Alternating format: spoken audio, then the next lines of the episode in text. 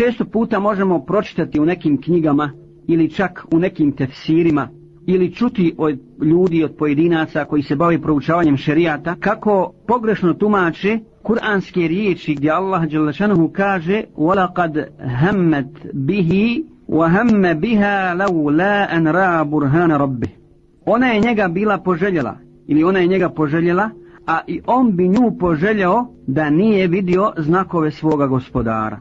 I takvi ljudi, zbog pogrešnog razumijevanja i shvatanja ovog kuranskog ajeta, idu čak dotle da govore kako je on prije nego što je vidio znakove svoga gospodara, već bio legao sa ovom ženom i mnoge druge gluposti i stvari, osobine koje pripisuju Yusuf Selam od koji je on čist. Naime, ja ću navesti mišljenja islamskih učenjaka vezano za tumačenje ovoga ajeta, odnosno ovih riječi Allaha Đelešanuhu i on bi nju poželio da nije vidio znakove svoga gospodara.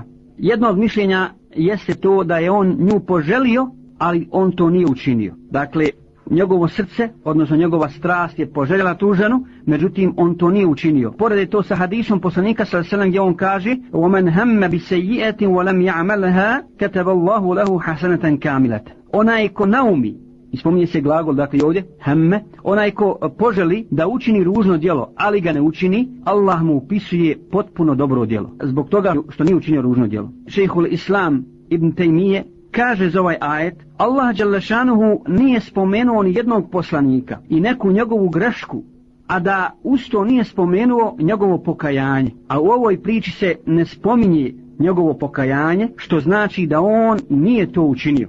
Drugi kažu da se ovdje misli na ovo poželio je, poželio da je udari zbog toga što ga navodila na grije. Treći kažu poželio je da mu bude žena. A četvrto mišljenje koje je i mom srcu nekako najbliže jeste mišljenje islamskog učenjaka Ibn Hayyana, a ovo mišljenje uzeo i poznati Mufassir Amin Ash-Shankiti, dakle šej Shankiti koji je u svom poznatom dijelu komentaru Kur'ana Kur'anom, Advaul Bayan, kaže da Jusuf a.s.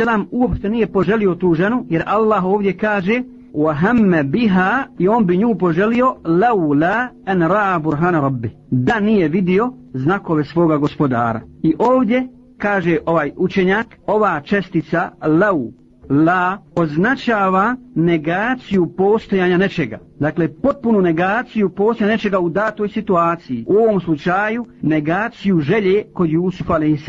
Jer je vidio znakove svoga gospodara. Dakle, wahemme biha, poželio bi je laula an ra'a burhana rabbi da nije vidio znakove svoga gospodara što znači da je uopšte nije poželio a kamo da je nešto pokušao ili učinio. A što se tiče znakova koje je vidio Jusuf a.s. učenjaci se razišli i nema jakog i nevjerodostojnog dokaza šta je vidio Jusuf a.s.